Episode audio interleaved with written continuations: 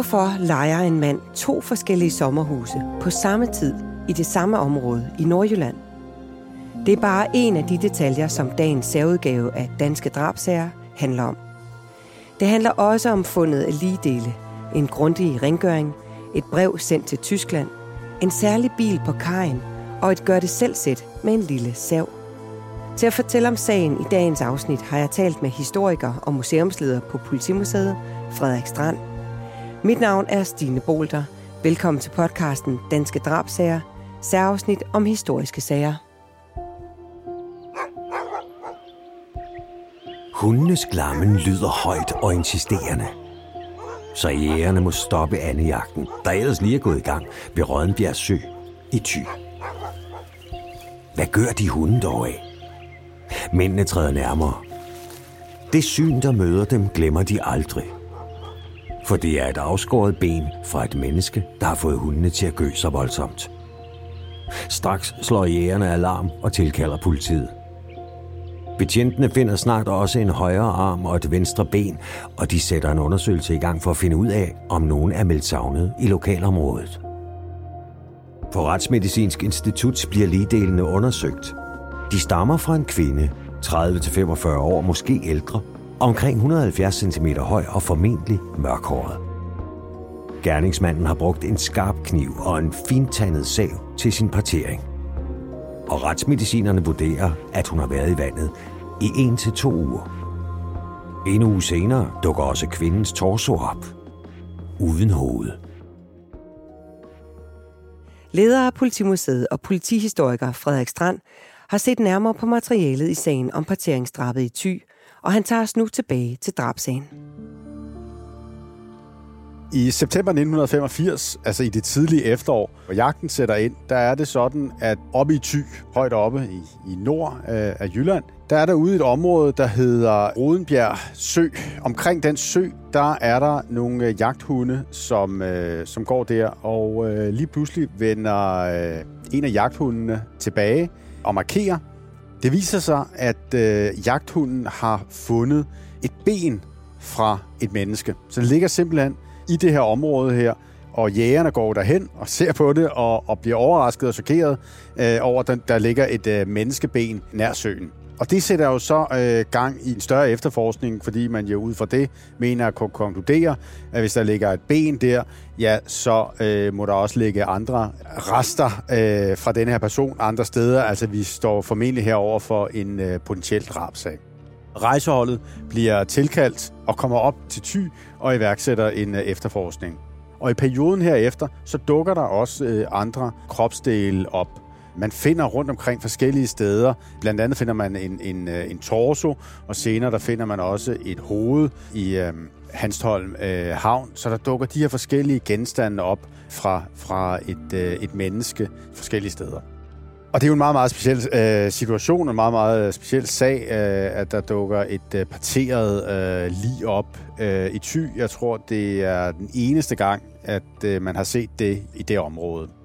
Det vækker stor furore, ikke bare i Thy, men også over hele landet, øh, hvad det er, der foregår. Hvor, hvor stammer det her lige fra? Hvem er det, der har øh, parteret livet og kørt rundt i området og, ligesom, og dumpet de her forskellige øh, kropsdele forskellige steder? Så den her efterforskning bliver sat i gang for at få afklaret nummer et, hvem det er, der overhovedet taler om. Hvad er det for et lig, som man finder delen af rundt omkring i, øh, i Thy? Og selvfølgelig ikke mindst, hvem står bag drabet og den efterfølgende partering af livet. I første omgang er der tale om en, øh, en retsmedicinsk undersøgelse af livet, hvor man øh, ud fra de forskellige kropsdele, der dukker op, især torsoen, kan konkludere, at der taler om en, øh, en kvinde. Så det er altså et kvindelig, som man har fundet de forskellige dele af. Det kan man relativt hurtigt konkludere. Derudover, så er det sådan, at man umiddelbart har man ikke nogen kvinder, der øh, savnes i, øh, i Danmark på det her tidspunkt her. Så øh, man sender informationerne omkring livet ned til, øh, til Tyskland for os der at få afklaret, om den parterede kvinde eventuelt øh, kunne være tysk afstamning. Og der er det sådan, at der er en, øh, en mand, som øh, henvender sig til rejseholdet og fortæller, at han har været på ferie i Hanstholm. Han er sejlet op til Hanstholm og har ligget der øh, for anker, og øh, han fortæller, at øh, mens han har ligget for anker, så øh, har han set, at der er en bil, som er kørt op til havnefronten, og der er en mand, der står ud af bilen. På sådan en lidt mistænkelig øh, façon, så har han øh, åbnet sit øh, bagagerum, og øh, ud af bagagerummet, der har han taget noget.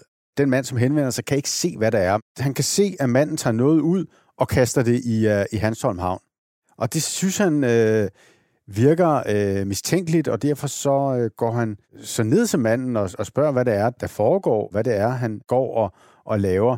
Og så, så siger denne her mand her, jamen jeg står og venter på øh, min visevært. Og så svarer øh, denne her tysker, som ligger for anker, ja, det er da forhåbentlig ikke ham, som du har smidt i vandet.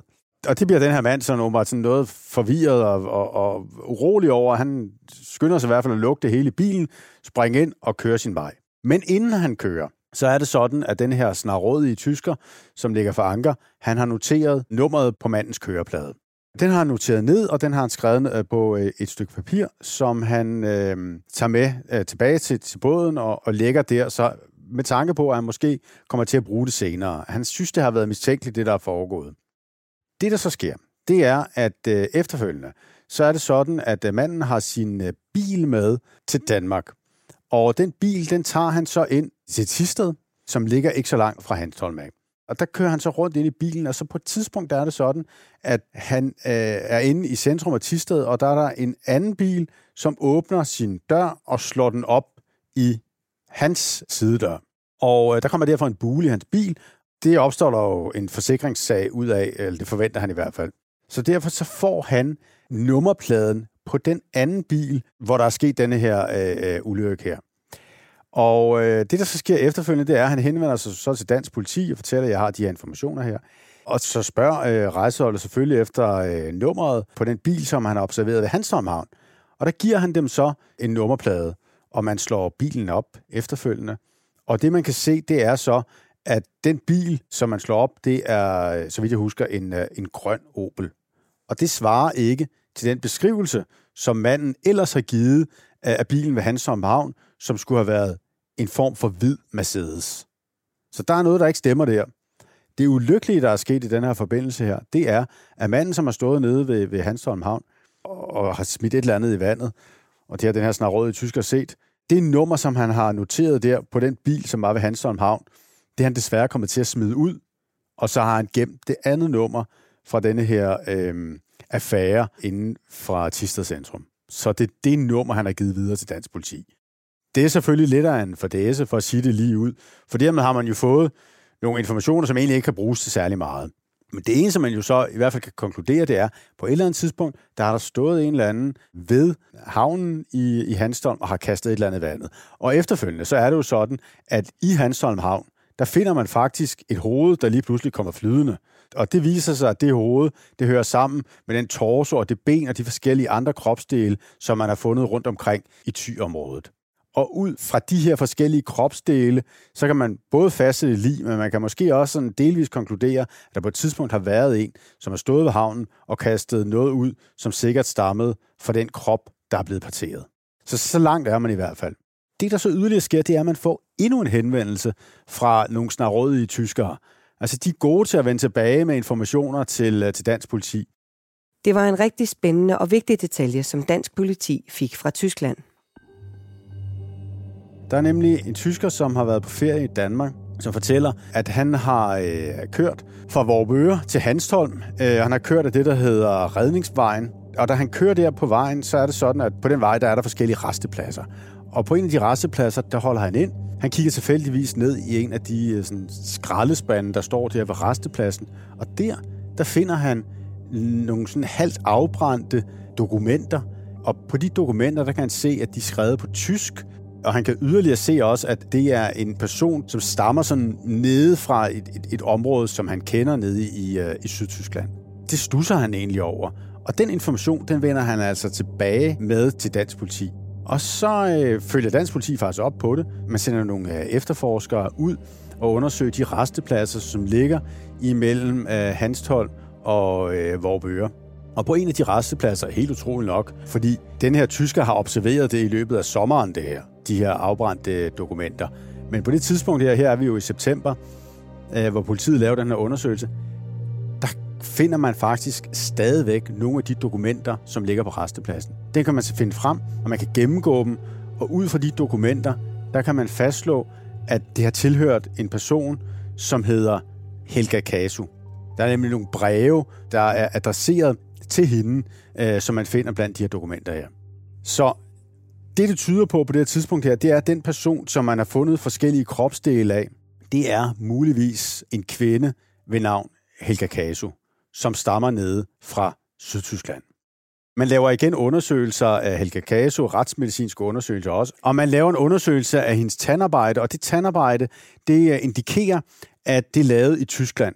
Da man altså har både det her tandarbejde, der viser, at personen kan stamme fra Tyskland af, og man har de her dokumenter, som øh, øh, hedder fra en person, der hedder Helga Kasu. Og så har man altså de forskellige kropsdele, som øh, viser, der tale om en kvinde. Som meget tyder altså på, at det er et kvindelig fra Tyskland, og det er meget muligt, at det er Helga Kasu, som man her har fundet.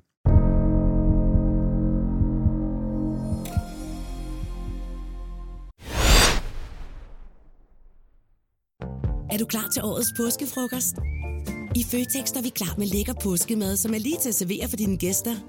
Bestil for eksempel en klassisk påskefrokostmenu til 115 kroner per kuvert. Du får også klassisk smørbrød til blot 29 kroner per styk. Se mere på føtexudafhuset.dk og bestil din påskefrokost i god tid. Fagforeningen 3F tager fodbold til nye højder. Nogle ting er nemlig kampen værd. Og fordi vi er hovedsponsor for 3F Superliga, har alle medlemmer fri adgang til alle 3F Superliga-kampe sammen med en ven. Bliv medlem nu på 3F.dk. Rigtig god fornøjelse. 3F gør dig stærkere. I Føtex har vi altid påsken små og store øjeblikke. Få for eksempel pålæg og pålæg flere varianter til 10 kroner. Eller hvad med skrabeæg 8 styk til også kun 10 kroner. Og til påskebordet får du rød mal eller lavatserformalet kaffe til blot 35 kroner. Vi ses i Føtex på Føtex.dk eller i din Føtex Plus-app. Du vil bygge i Amerika? Ja, selvfølgelig vil jeg det.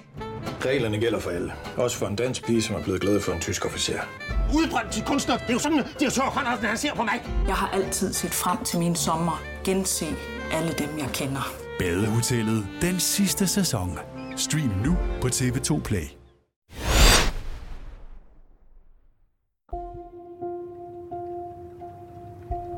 Det er sen aften. Fra sin båd kan han og hustruen se en bil på tyske nummerplader køre ind på det øde havneområde.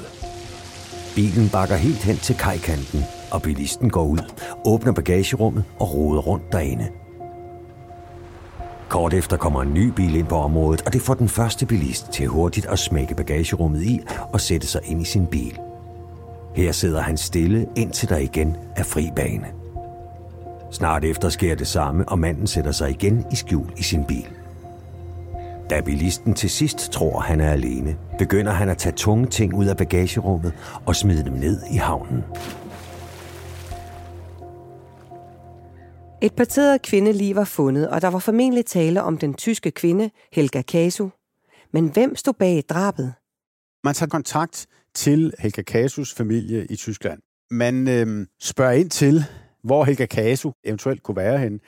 Og familien de forklarer, at øh, Helga Kasu angiveligt er øh, taget på ferie. Hun er taget på ferie i Italien. Det er det sidste, de har, har hørt fra hende. Og udover det, så finder man også ud af, at Helga Kasu, hun har en, øh, hun har en lille frisørsalon, og hun bor også i forlængelse af den her øh, frisørsalon. Man gennemgår også sine forskellige familiære forhold, og kan blandt andet se, at hun har, en, hun, hun har haft en mindre opsparing øh, og lignende. Så man får gennemgået hendes forskellige familieforhold, og finder altså ud af, at hun har været væk nu i en øh, periode, og ikke er dukket op øh, igen. På baggrund af de undersøgelser, så mener man at kunne konkludere, at øh, Helga Caso, hun er ikke taget til Italien på ferie. Hun er kommet op til, øh, til Danmark, og i Danmark, der er hun blevet øh, slået ihjel, efterfølgende øh, parteret, og det er jo så de her forskellige ligedele, som er dukket op i ty. Og de efterfølgende undersøgelser af blandt andet hendes øh, tænder og så videre. Men Vi kan jo ikke endelig fastslå noget ved hjælp af DNA på det her tidspunkt, der, fordi DNA-teknologien er først lige undervejs her i 1985. Den er ikke endelig blevet implementeret endnu. Men på baggrund også af tandanalyserne, der kan man konkludere, at den person, som man har her, det er rent faktisk Helga Kasu. Så hvem har så slået øh, Helga Kasu ihjel og, øh, og parteret hende? Ja, det bliver jo det store spørgsmål. Politiet afhørte flere forskellige personer i Tyskland, som kendte til kvinden, og her fandt man blandt andet ud af, at hun havde en lille frisørsalon, og at hun skulle være taget til Italien. Men man fandt også ud af noget andet, fortæller politihistoriker Frederik Strand. Man hører, at øh, Helga Kasu har haft en øh, affære med en mand, som hedder Hans Günther Stumpe. Og Stumpe, han er øh, gift, han har en øh, familie ved siden af. Han har det her forhold til øh, Helga Kasu. Øh, og Stumpe, han er også en lidt, lidt en, en speciel person. Han har øh, haft forskellige øh, firmaer tidligere, men han er også kendt for at lave forretninger på kanten. Og kendt for at være sådan lidt en lyssky person. Men man afhører jo så øh, Hans Günther Stumpe og øh, spørger til øh, hans forhold til øh, Helga Kasu, og om øh, han på en eller anden måde har været i kontakt med hende, efter hun er forsvundet. Og der kan øh, Günther Stumpe fortælle, jeg mener at kunne berolige de danske efterforskere, for øh, han forklarer, at øh, han har været i, øh, i Danmark, han har været i Vorbøre, han har været i, i Tisted, men ikke sammen med øh, Helga Kasu. Og det kan han dokumentere på den fasong, at han har et brev fra Helga Kasu, der angiver, at hun er taget til Italien. Hun er taget på ferie øh, til Italien sammen med sin, øh, sin søn. Og øh, det her brev, det er dateret på det tidspunkt, hvor øh, øh, øh, øh Stumpe er i Danmark. Så Hekakaso kan ikke have været i Danmark på det tidspunkt, hvor øh, Stumpe er i Danmark. Fordi der er hun jo nede i Italien. Fordi man har et brev, der er dateret og senere stemplet øh, på hovedpostkontoret i München på det tidspunkt, hvor, hvor det er endelig fastlagt, at Stumpe er i Danmark. Så han står som et håndfast bevis her på, at hun har ikke været samtidig med ham i Danmark. Og hvad er så op og ned i den her sag? Altså, det, det, det bliver jo det store spørgsmål. Har Helga Kasu været i Danmark på samme tid som Stumpe? Hun kunne jo godt være taget til Danmark på et senere tidspunkt. Hvem ved? Og det var blevet slået ihjel, parteret og placeret forskellige steder efterfølgende i uh, området i, i, uh, i Thy. Og, og øh, Stumpe behøvede jo ikke have noget som helst med det at gøre. Stadigvæk er der selvfølgelig en række ting, der ligesom virker underlige. Han har været i Danmark på et tidspunkt, og hun bliver fundet i forlængelse af den periode, hvor han har været i Danmark, uh, parteret. Så, så der er nogle ting der, som, som skal undersøges lidt nærmere, kan man roligt sige. Det man så ser på, det er, hvor har Stumpe opholdt sig i Danmark? Og han har jo været i Vorbøger, det ved vi. Men hvor har han opholdt sig i Vorbøger? Man spørger selvfølgelig efter sommerhuset, fordi hvis det er sådan, at man skal vide noget nærmere omkring, hvad der er sket på det tidspunkt, hvor øh, øh, Helga er forsvundet, øh, så kan det måske også være interessant at se, om der skulle være nogle tekniske beviser i det sommerhus, som Stumpe har været i. Og der er det så sådan, at øh, Stumpe han fortæller, at øh, han har øh, han har lejet et sommerhus på noget, der hedder Ærenprisvej. Og øh, han fortæller, at det har han lejet igennem et udlejningsbureau. Og der er det så sådan, at øh, politiet de henvender sig til udlejningsbyrået for at høre, øh, er det nu også tilfældet? Hvordan er det med det hus? Og udlejningsbyrået de stiller sig noget uforstående over for det, fordi de har ikke udlejet noget hus på Ærenprisvej til Stumpe. Derimod så har de udlejet et hus på Delfinvej. Og Det er jo en, en underlig information at få. Altså nummer et, hvorfor har han lejet til synligheden to huse? Øh, hvad er det, der, der ligger i det? Hvorfor giver han en forkert adresse? Og øh, der er det så i den forbindelse, at man spørger sådan nærmere ind til det, og hvem har så lejet det her hus ud på Ærenprisvej, som han, øh, som han ellers forklarer. Men der viser det sig, at det er der en anden en, der har gjort, nemlig en, øh, en lokal øh, borger har lejet huset ud til Stumpe sort. Så der har han altså, han er kommet til på en eller anden måde, lader det til, måske har byttet om på nogle forskellige øh, adresser i den her sammenhæng her. Sikkert er det i hvert fald, at manden havde lejet to forskellige sommerhuse. Et på Delfinvej og et på Ærenprisvej. Hvorfor havde han dog gjort det? Ja, politiets teori kommer jo til at gå på, at i det ene hus, der har han taget ophold. Og der har han været alene. Og i det andet hus, der har han været sammen med Helga Kasu, og der, der har han slået hende ihjel, og efterfølgende skaffet livet af vejen. Sagen er så den, at Ærenprisvej lader sig være helt rent. Der finder man ingen øh, spor efter andre end stumpe, men ser vi på huset på Delfinvej, der finder man forskellige tekniske spor, der indikerer, at en anden person har været i, øh, i huset. Man finder blandt andet et øh, håndaftryk fra en, øh, en, en lille person. Og det er sådan, at man kan ud fra undersøgelserne af Helga Kase se, at hun ikke er særlig stor. Så det finder man altså i huset på Delfinvej. Og det der sagen, det er altså, at Stumpe angiveligt måske har taget fejl af husene. Han øh, har øh, glemt, at, at øh, huset fra Ærenprisvej er lejet ud sort. Mens øh, huset fra Delfinvej har han formodet har været lejet ud igennem udlejningsbureauet. Så han har altså simpelthen lavet nogle forviklinger der, der så at sige lader til at afsløre ham selv. Men øh, overfor politiet, der forklarer han, at, at der er simpelthen ikke øh, noget galt i, øh, i, at han har lejet to hus. Sagen er den, at det ene hus, det har han brugt til repræsentative formål. Skulle han altså have besøg af andre folk, øh, forretningsforbindelser eller lignende, så brugte han det hus, og det andet hus, det brugte han, når han skulle være alene. Det virker selvfølgelig noget underligt at øh, lege øh, to huse, når man sådan er alene op i det nordlige Danmark. Øh, men altså, det, det er hans forklaring på, hvad der er foregået. Og sagen er jo også den, at han stadigvæk har det her brev, som øh, indikerer, at Helga Kasu ikke har været med ham oppe i Danmark. Problemet er så i den forbindelse, at der er vidner, som øh, henvender sig efterfølgende, og de forklarer, at de har set Hans Günther Stumpe, mens han har været i sommerhuset. Der har de set, at han øh, har haft besøg af en kvinde, øh, og hun også har været i huset. Så, så det indikerer altså, at der har været en kvinde sammen med ham deroppe, og det er jo det, det har han ikke nævnt tidligere. Og den kvinde kunne meget vel være Helga Kasu. Og man har også set på et tidspunkt, da han forlader huset på Delfinvej, der ser man, at øh, han transporterer ting væk fra huset, blandt andet en, øh, en stor madras. Så det kunne indikere, at han forsøger at slippe af med forskellige tekniske beviser i forbindelse med øh, oprydningen efter, efter drabet. Så der er forskellige beviser, som kan øh, fremlægges imod øh, Stumpe. Elskerinden forstår godt, hvorfor hun skal skrive brevet. Ellers kan konen blive mistænksom og ødelægge deres kærlighedsrejse. Så hun sætter sig ned og skriver. Jeg er rejst til Italien, noterer hun blandt andet. Selvom planen er at tage til Danmark med konens mand. Elskeren lover galant at sende brevet for hende, men han har en grusom plan. Brevet skal nemlig give det indtryk, at kvinden er i live på et tidspunkt, hvor hun i virkeligheden er død.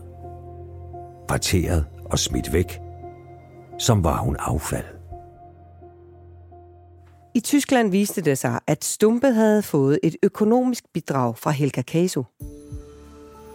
Hun har blandt andet lavet en opsparing på 40.000 øh, D-mark, og de 40.000 de bliver øh, tilsyneladende overført til, øh, til Stumpe, der efterfølgende kan afvikle en gæld på lige præcis 40.000 D-mark. Så, så der har altså været en eller anden form for økonomisk øh, transaktion der. Og yderligere så, så er det så også sådan, at øh, noget kunne tyde på, at Stumpe han har holdt den her affære hemmelig for øh, sin kone, men øh, der kan måske være indiser på, at øh, Helga Kasu har ønsket nu, at, at den her affære skulle være kendt, at det skulle blive et mere lovformeligt forhold, og måske har presset på i forhold til Stumpe, for altså, at, han skulle blive mere åben omkring forholdet i forhold til, til hans kone. Så de her forskellige beviser i forbindelse med afhøringen nede i Tyskland, de begynder altså også at øh, dukke op på, øh, på det her tidspunkt her.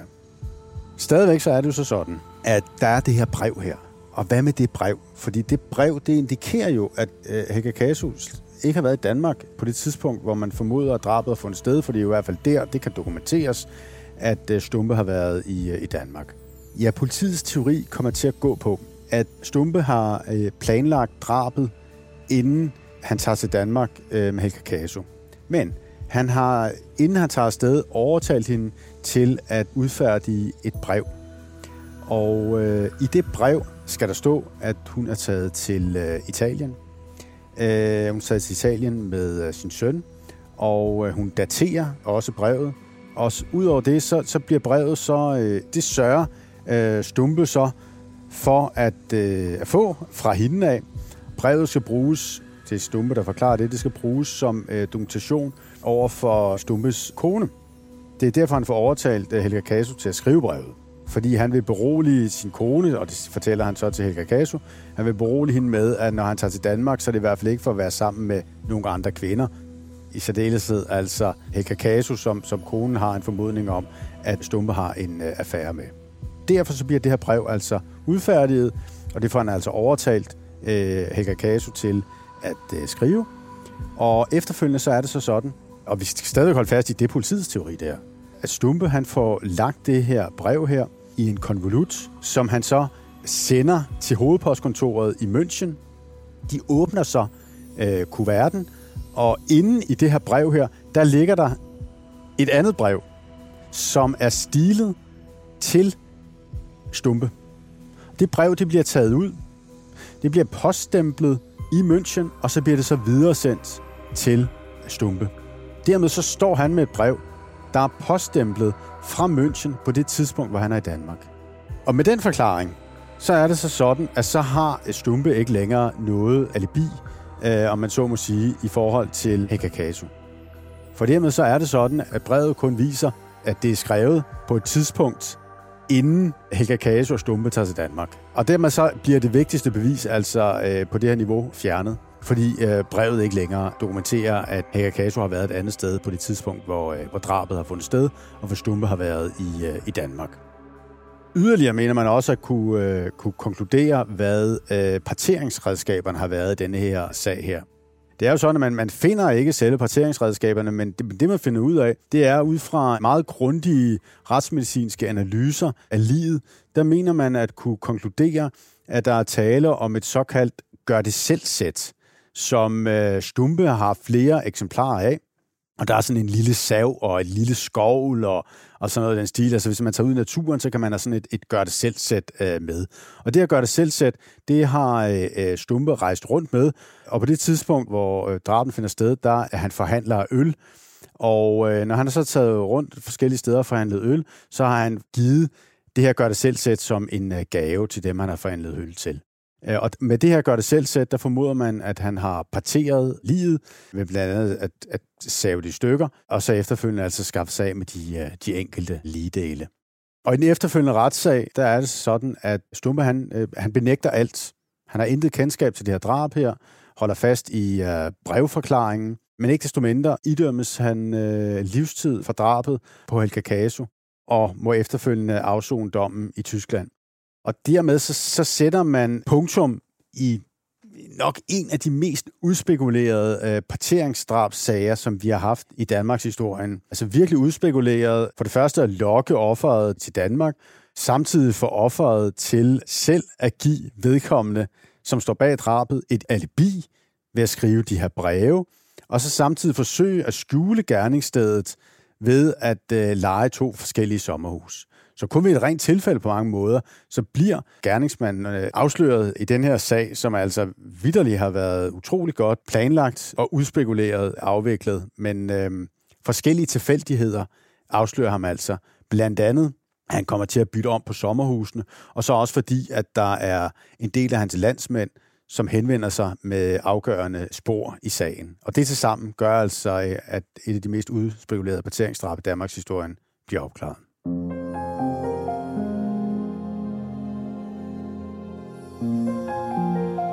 En grum og udspekuleret sag fik sin afslutning, og gerningsmanden kom heldigvis til sidst til at stå til ansvar for sine handlinger. Tak til museumsleder på Politimuseet og historiker Frederik Strand. Speaks indtalt af Henrik Forsum. Klippet af Rasmus Svinger. Musik af potmusik.dk. Tilrettelagt og skrevet af Stine Bolter. Produceret af Bauer Media og True Crime Agency. Mit navn er Stine Bolter. Tak fordi du lyttede med.